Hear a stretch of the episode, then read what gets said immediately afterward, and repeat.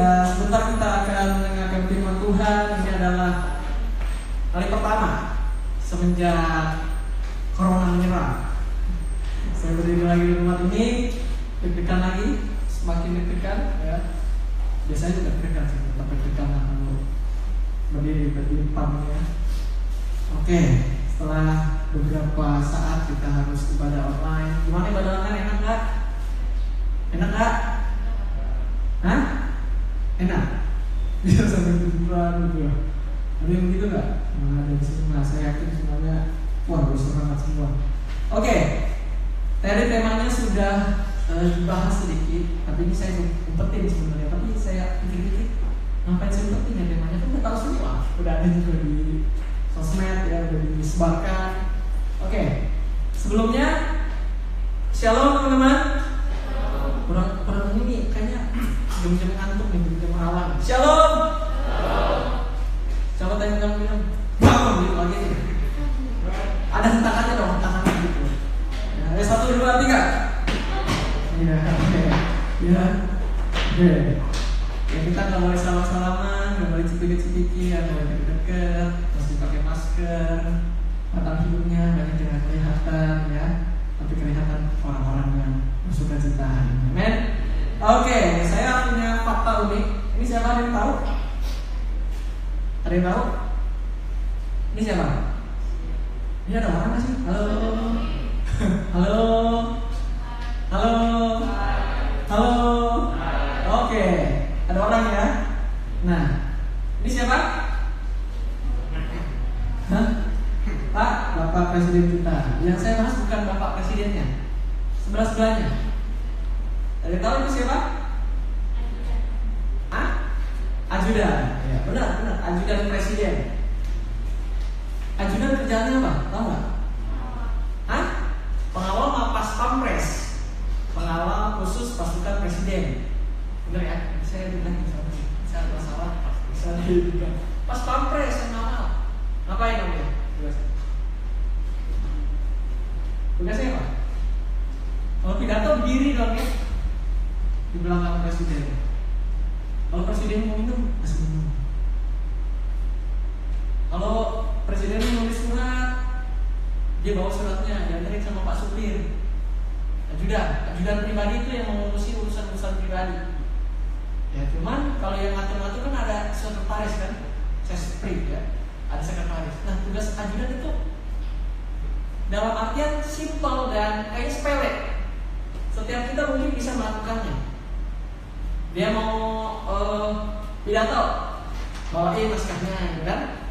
Bawain, kasihin. Nggak bikin, nggak bikin yang lain. Ada timnya. Kayaknya sepele nggak? Sepele ya, cuma berdiri doang. Diam, ambilin pidatonya lagi. Sepele ya, semua bisa nggak lakuin gara-gara kita? Bisa nggak? Sembarangan aja, bisa lah. Karena kita bukan angkatan.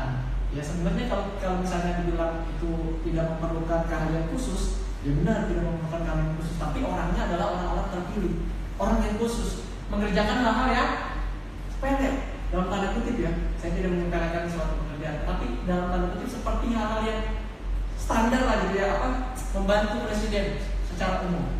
Tetapi tahukah teman-teman? Misalnya, halo, next. Dibantu kalian? Nah, saya punya fakta berkaitan ya. Gimana? Silakan. Faktanya ini ternyata yang ada di belakang ini minimal itu pangkatnya letkol senior atau kolonel. Pangkatnya itu tinggi. Pangkat yang tertinggi kedua. Tertinggi ke satu kan ada yang pangkat macam. Itu tertinggi kedua dan ini adalah pangkat yang paling tinggi di tingkatan yang kedua itu. Jadi bukan orang sembarangan. Walaupun kerjanya cuma bawain dokumen, berdiri di belakang. Ada saya baca artikel tugasnya apa sih sebenarnya? Tugasnya pada bingung orang-orang aja. Ya sampai sekarang pun saya nggak tahu karena saya belum pernah ketemu sama ajudan presidennya sama presiden juga belum pernah ketemu. Tapi kalau ketemu saya tanyain tugasnya apa dia. Nah, ini mereka ini harus dari tiga uh, angkatan, tiga angkatan ya, dari angkatan udara, angkatan laut atau angkatan darat hingga kepolisian, ya, empat. seleksinya juga nggak nggak mudah. Mereka adalah pilihan-pilihan orang-orang yang terbaik di pangkatnya mereka. Jadi kayak misalnya TNI ini, kolonelnya siapa? Yang paling bagus siapa? Misalnya si Dwi. Dia paling wah, paling itulah pinter, bahasanya jago. Dia yang akan dimunculkan namanya. Jadi calon ajudan presiden. Melewati berbagai-bagai tes, melewati berbagai-bagai uh, istilahnya ujian-ujian yang mereka hadapi. Kerjanya ini belakang. Apa presiden mau apa? Enggak pernah, enggak. Enggak jagain presiden yang jagain hanya lain. Ada pasukannya sendiri, beda. Tapi banyak orang yang pengen jadi ajudan presiden. Mau nggak jadi ajudan presiden? Mau nggak? Kalau ada kesempatan nih, mau nggak? Mendampingi presiden nih, mau nggak? Mau nggak? Mau. Maksudnya mau kalau ya jangan keputusan ya. Sekali gitu, bantuin dia, ngasih dia bawain ini makalah, wah bapaknya nggak main. Bawain dia teh, wah bapaknya nggak main. Kenapa mereka melakukannya? Nih, saya ada pangkatnya. Pangkatnya yang pertama perwira tinggi, yang kedua itu perwira menengah. Nah, kalau yang satu. Pangkatnya tinggi coy, nggak main. Ya walaupun kerjaannya istilahnya kerjaan yang simpel. Tapi kenapa mereka mau? Kenapa banyak orang yang berebut? Karena pekerjaan itu adalah sebuah kehormatan. Ketika dia bisa melayani presiden, orang yang terhormat, maka dia menganggap bahwa pelayanan itu adalah sebuah pelayanan yang terhormat. Karena orang yang dia layani adalah orang yang terhormat. Setuju? Siapa masuk? Ajudan presiden. Wow, masuk. Keren gitu ya. Kayak apa sih? Bangga gitu. Terhormat sekali gitu. Bisa ngobrol sama presiden. Bisa melayani presiden secara langsung. Walaupun hal-hal yang istilahnya hal-hal yang pribadi gitu. Hal-hal yang simpel. Dan ada lagi ajudannya. Ketika dia selesai jadi ajudan, pangkatnya langsung langsung tinggi, langsung naiknya berkali-kali lipat dibandingkan orang yang tidak menjadi ajudan. Nah, saya mau bilang ini, kalau seorang pelayan presiden merasakan begitu sangat terhormat bisa melayani presiden, apalagi kita pelayan-pelayan Tuhan. Amin. Tuhan kita lebih daripada presiden. Kalau kita bisa melayani Tuhan yang jauh daripada presiden, bukankah kita adalah orang yang terhormat? Bisa melayani Tuhan. Amin. Pernah nggak terlintas dalam pikiran kita? Oh ya saya melayani Tuhan. Ini sebuah kehormatan. Saya bisa melayani Tuhan. Melayani presiden aja, wow udah terhormat sekali saya bisa melayani. Apalagi kita melayani Tuhan. Dan Ya, dan kalau tadi dia bisa naik pangkat cepat, kalau kita melayani Tuhan, teman-teman, kalau kita sungguh-sungguh setia melatih diri kita, maka kita akan mendapat jauh lebih besar daripada itu. Amin. Upah kita bukan hanya di dunia, tapi upah kita di sorga di kekekalan. Ada amin? Kasih kemuliaan Tuhan juga. Jadi saya namanya God melayani Tuhan adalah sebuah kehormatan. Tanyakan. Oke. Matius 20 ayat 25 sampai 28 berkata, tetapi Yesus memanggil mereka lalu berkata, kamu tahu bahwa pemerintah-pemerintah bangsa-bangsa memerintahkan rakyatnya dengan tangan besi dan besar-besar menjalankan kuasanya dengan keras atas mereka. Tidaklah demikian di antara kamu. Nah, ini lihat. Dan dengar, teman-teman. Barang siapa ingin menjadi besar di antara kamu, hendaklah ia menjadi kurang keras. Hendaklah ia menjadi saya ulangi. Tidaklah demikian di antara kamu barang siapa ingin menjadi besar di antara kamu hendaklah ia menjadi pelayanmu dan barang siapa ingin menjadi terkemuka di antara kamu hendaklah ia menjadi hambamu sama sama seperti anak nah ini yang keren banget sama seperti anak manusia Yesus Kristus datang bukan untuk bukan untuk apa dilayani melainkan untuk melayani dan untuk memberikan nyawanya menjadi tebusan bagi banyak orang. Amin. Melayani Tuhan adalah sebuah kehormatan. Mau Tuhan turun ke dalam dunia ini untuk melayani. Saya percaya saya dan teman-teman semua dicipta juga untuk melayani. Tengok kanan kiri bilang, lo dicipta untuk melayani. Ya, kita diciptakan untuk melayani. Amin. Dan ketika kita melayani Tuhan itu adalah sebuah kehormatan. Jadi, teman-teman, kenapa pertanyaan yang pertama kan? Kenapa? Kenapa disebut? Nah, ada beberapa sebenarnya ada banyak, cuma saya cuma rangkum ada dua. Yang pertama itu karena kita dilayani untuk eh dilayakan untuk melayani Tuhan. Baca sama-sama satu dua tiga. Kurang keras satu dua tiga. Oke. Ayatnya dalam uh, 2 Korintus 4 ayat yang ke-1 dikatakan di sana oleh kemurahan Allah kami telah menerima pelayanan ini. Saya ulangi oleh kemurahan Allah. Hanya karena kemurahan Allah, hanya karena anugerah Allah, kami telah menerima pelayanan itu. Karena itu kami tidak tahu hati. Dalam artian ini teman-teman, kita sebenarnya nggak layak untuk melayani Tuhan. Tapi dia turun ke dunia, dia melayani di sana, dan dia mati untuk melayani kita menjadi pelayan. Jadi kita dilayakkan untuk melayani Tuhan. Kenapa? Kita merasa itu bukan karena kita hebat, bukan karena kita mampu, bukan karena kita jago. Kita bisa melayani Tuhan. No. Kita melayani Tuhan oleh karena kebaikan Tuhan. Oleh karena anugerah Tuhan. Kita dilayakkan untuk melayani Tuhan. Ya, kalau tadi uh, ajudan presiden harus melewati step demi step, dia harus jago bahasanya. Saya paling jago bahasa, bahasa Cina, bahasa Wah, ada percaya semua? Padahal enggak. saya paling lemah bahasa. Ya. Tapi orang-orang tersebut ya, melewati satu step, dia akhirnya bisa bisa melayani seorang presiden. Nah kita sekarang tempat ini sudah dilayakkan untuk melayani Tuhan oleh karena darahnya yang mahal. Amin. Bukan karena perbuatan baik kita, bukan karena kita bisa, tetapi karena anugerah Tuhan, karena salibnya Tuhan yang telah menebus setiap kita. Yang kedua, kita sedang melakukan pekerjaan besar. Kenapa itu disebut adalah sebuah kehormatan? Kita melayani Tuhan, kita sedang melakukan pekerjaan yang besar. Katakan pekerjaan yang besar. Mungkin kalau sebagian dari teman-teman yang kerjanya pakai project, kalau projectnya besar itu, wah, kayaknya gimana gitu ya. Saya sempat kepikiran ini gedung, ya, gedung, gedung gedung gereja. Misalnya ini sebuah pembangunan yang besar sekali untuk gereja kita. Ada gedung gereja ini. Tahukah step-stepnya? Tahukah orang-orangnya yang mengerjakan gedung gereja ini?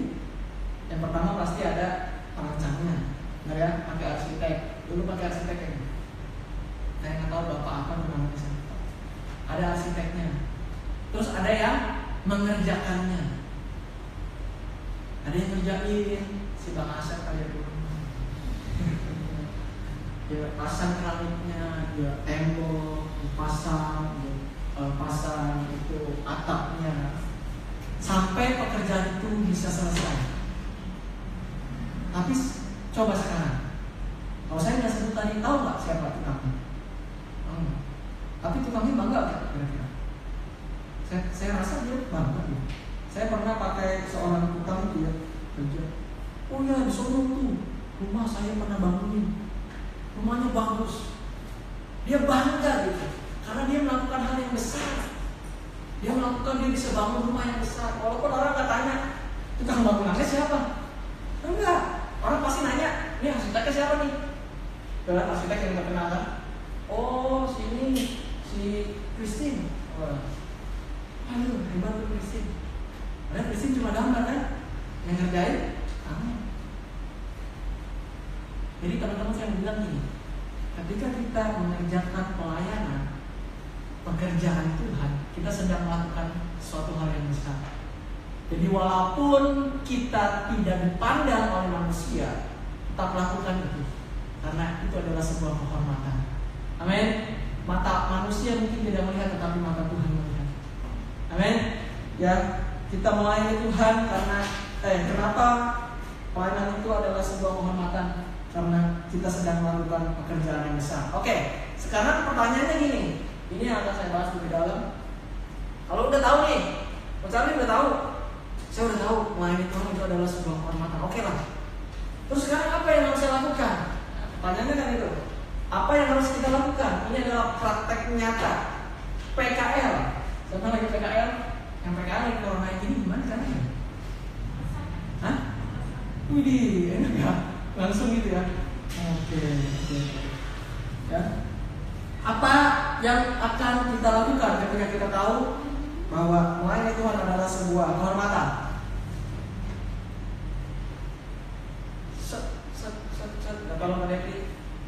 Oke, yang pertama, kalau kita tahu melayani Tuhan adalah sebuah kehormatan, kita harus layani Tuhan tanpa mengeluh.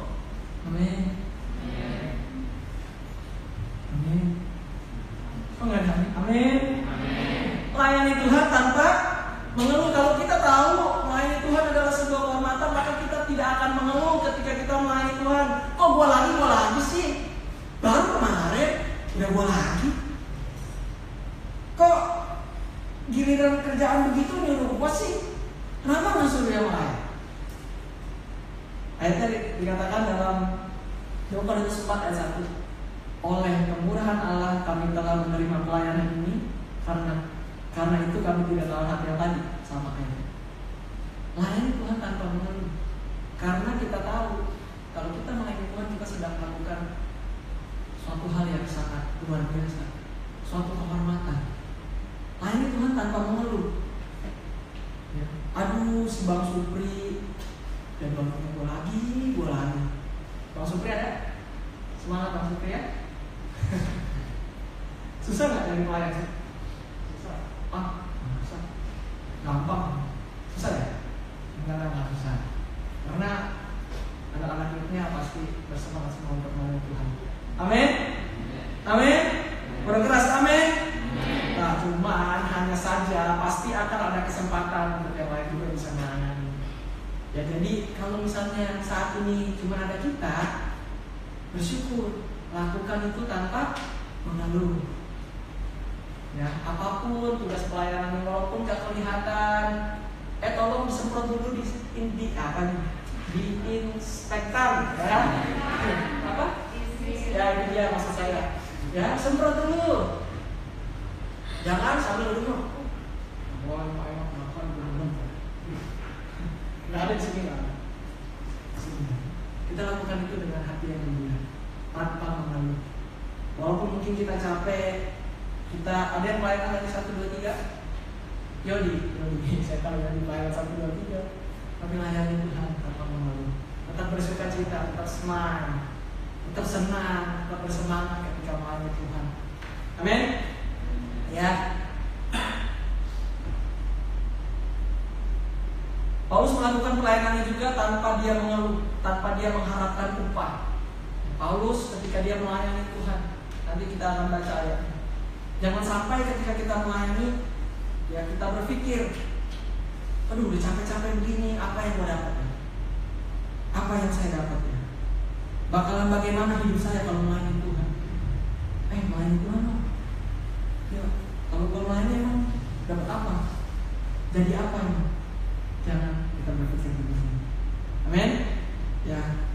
Karena yang poin kedua, melayani Tuhan tanpa berpikir aku. Kalau kita tahu melayani Tuhan adalah sebuah kehormatan, maka kita akan melayani Tuhan tanpa berpikir aku.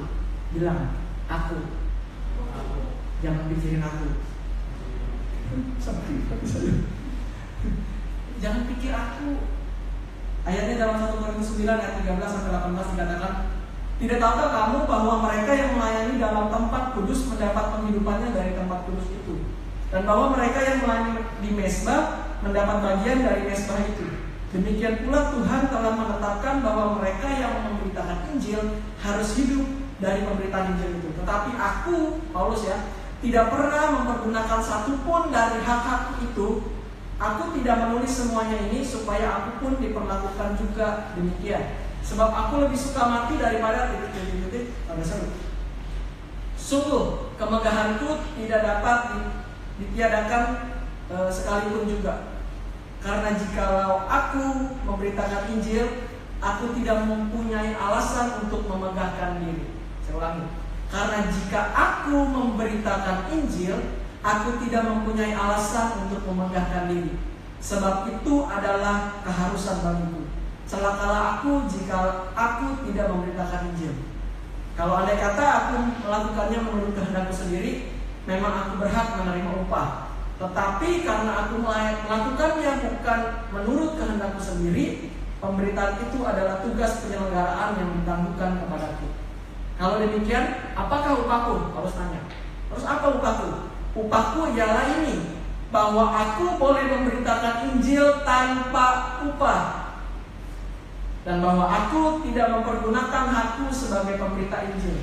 Sungguh pun aku bebas terhadap semua orang Aku menjadikan diriku hamba dari semua orang supaya aku boleh memenangkan sebanyak mungkin orang. Jadi ketika Paulus melayani Tuhan dia tidak pernah berpikir aku bahkan apa yang jadi haknya dia dia tidak ambil. Paulus bilang yang benar orang yang melayani mesbah dapat bagian dari mesbah itu. Orang yang melayani istilahnya kalau sekarang di gereja bisa dapat bagian dari gereja. Tapi Paulus nggak ambil haknya. Apa yang jadi hak Paulus? Hak Paulus yang bilang dia bilang apa yang jadi hak saya? Apa yang saya dapatkan ketika saya memberitakan Injil? Apa yang saya dapatkan ketika saya melayani Tuhan? Yang dia dapatkan adalah ketika Injil itu bisa tersebar kepada banyak orang.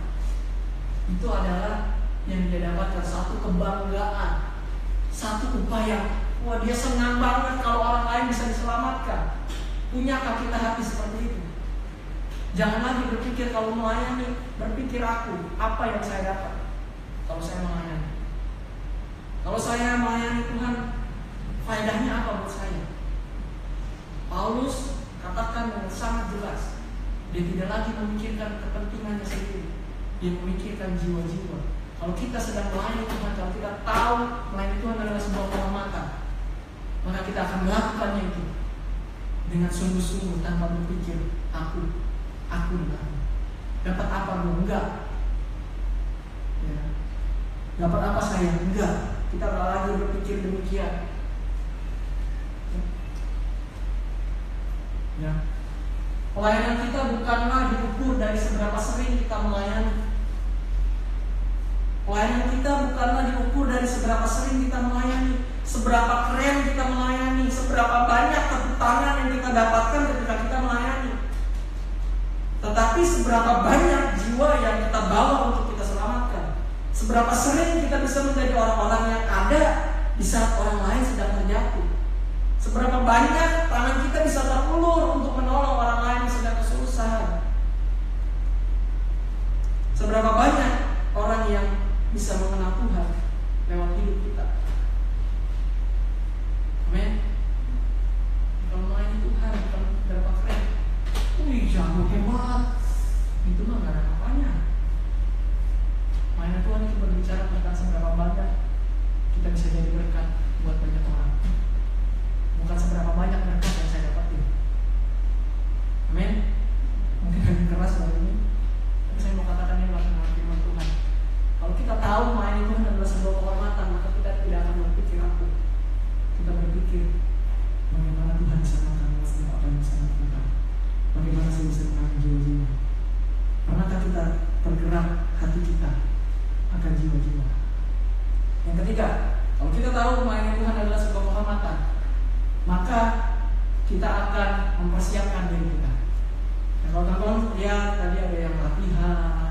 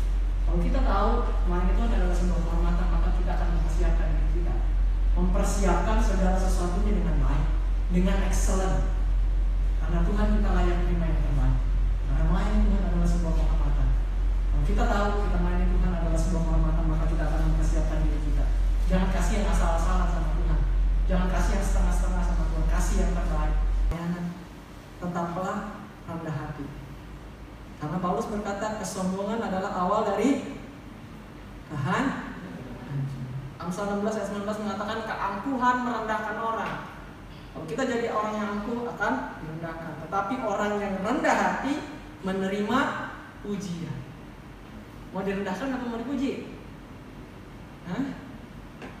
Tinggal kita yang pilih. Nah, cuma yang bahaya kadang kita nggak peka nih. Kita nggak sadar kalau kita lagi mengandalkan kekuatan kita.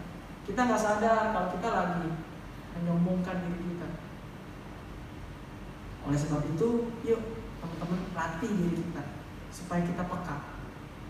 Jadi kalau misalnya kita sudah mulai melenceng, udah mulai salah, udah mulai mengandalkan kekuatan kita, akan ada perasaan oh iya nggak boleh kayak gini. Nah itu bisa kita dapat ketika apa? Nanti ada di poin yang selanjutnya. Oke. Nah yang kelima, kita harus kalau kita tahu melayani Tuhan adalah sebuah kehormatan ini ayat yang minggu depan akan kita bahas yaitu harus tampilkan, tunjukkan 1 Timotius 4 ayat 12. Nah, ini buat anak-anak muda. Jangan seorang pun menganggap engkau rendah karena engkau muda. Ini tadi juga di bawah sama tadi. Jadilah teladan bagi orang-orang percaya dalam perkataanmu, dalam tingkah lakumu, dalam kasihmu, dalam kesetiaanmu, dan dalam kesucianmu. Tampilkan. Kalau kita tahu melayani Tuhan adalah sebuah kehormatan, lakukan, tampilkan, kerjakan. Jangan cuma di konsep, minggu depan harus jadi WM nggak dulu nih singa dulu nih. Kebanyakan ininya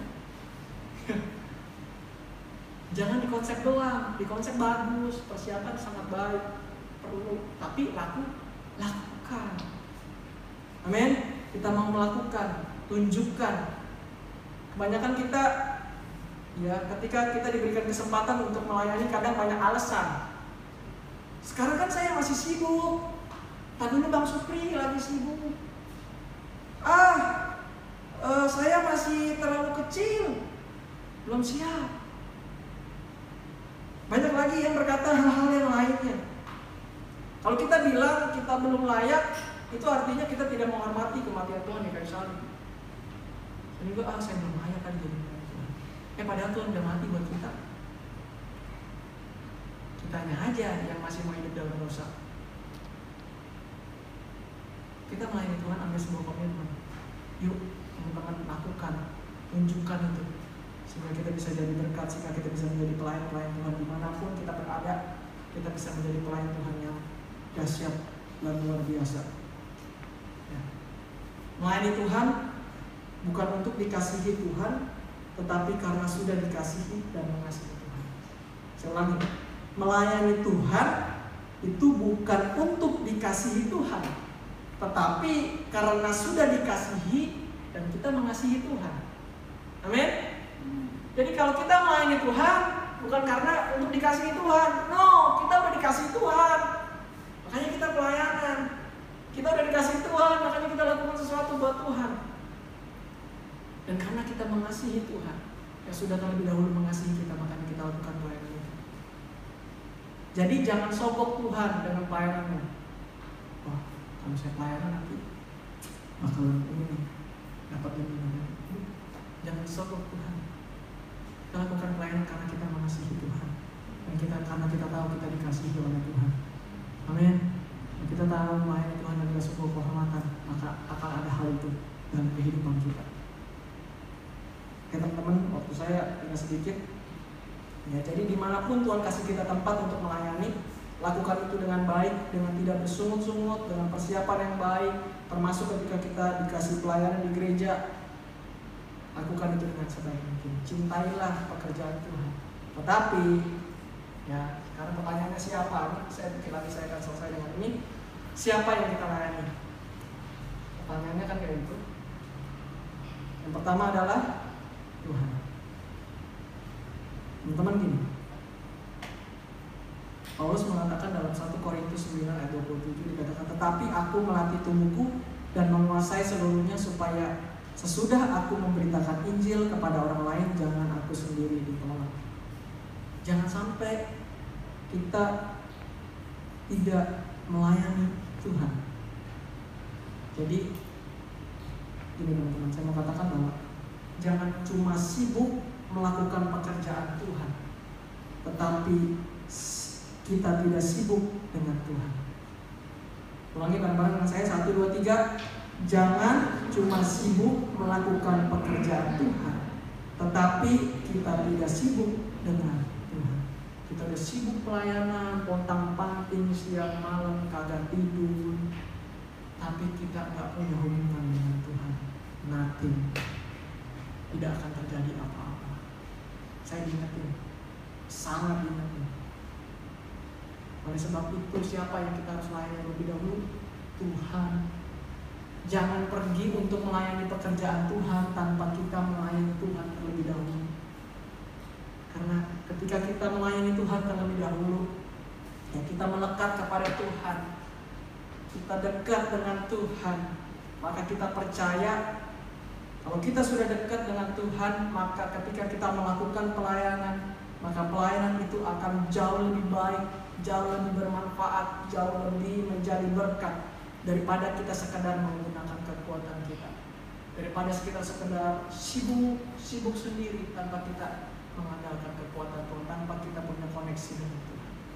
Layanilah Tuhan terlebih dahulu, baru engkau pergi untuk melayani pekerjaan Tuhan.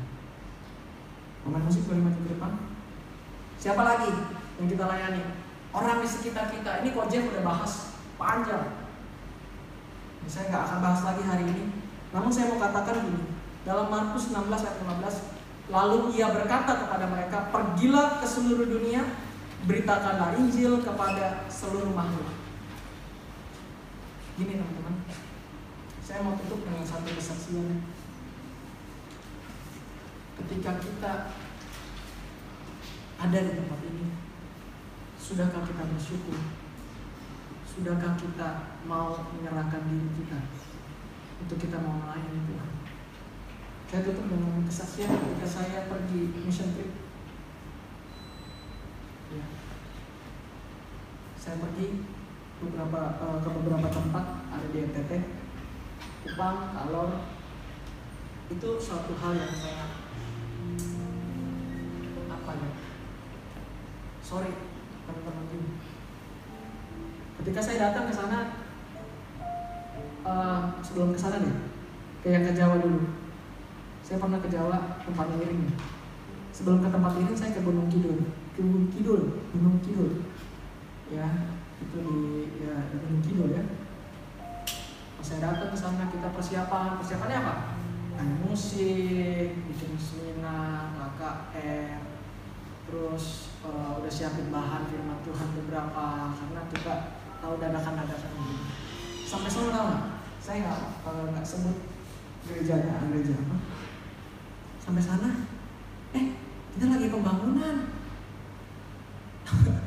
disuruh ngangkat itu batu-batu dari pagi sampai siang dari sore eh dari makan siang sampai sore angkat batu kinayu bawa masuk kalau kalau kita apa ya kalau saya lihat kesel nggak?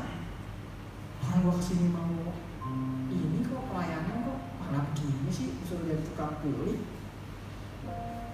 tapi enggak nggak ada perkataan itu keluar dari mulut kita kita senang gitu. Saya juga bingung kok bisa ya? Kok bisa gitu? Saya kadang sekarang mikir kok iya kok mau ya kita ya dulu ya kok senang-senang aja ya kayaknya ya pas saya ingat lagi kemarin.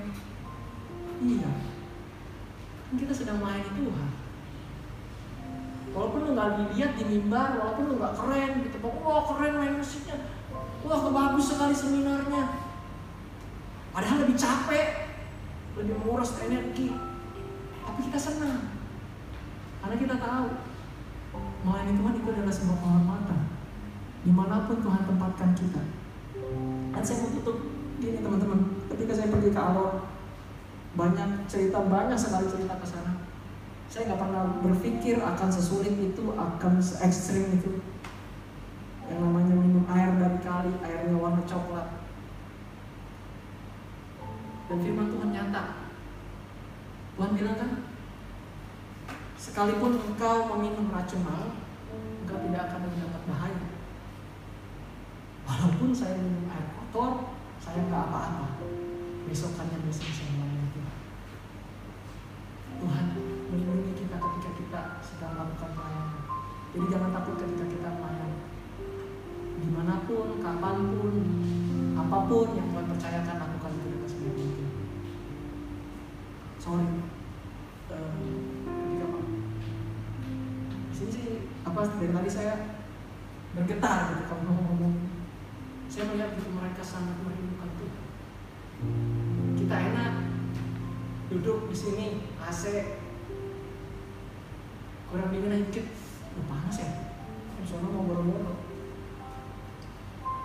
Mandi aja enggak kan kita udah enak banget pakai di sini. Keren. Boro-boro. Lampu aja udah ada juga bagus. Saya bilang kasihilah jiwa-jiwa milikilah hati yang mengasihi jiwa-jiwa ketika saya lihat ada anak-anak sorry mereka mau. Ya saya nggak tahu mereka ngasih apa. Bau sekali ada hati gitu maksudnya saya mengasihi mereka. Ada satu hal yang mendorong gitu memberikan kekuatan. Kita bisa peluk dia. Bayangin jarak segini aja udah kecil.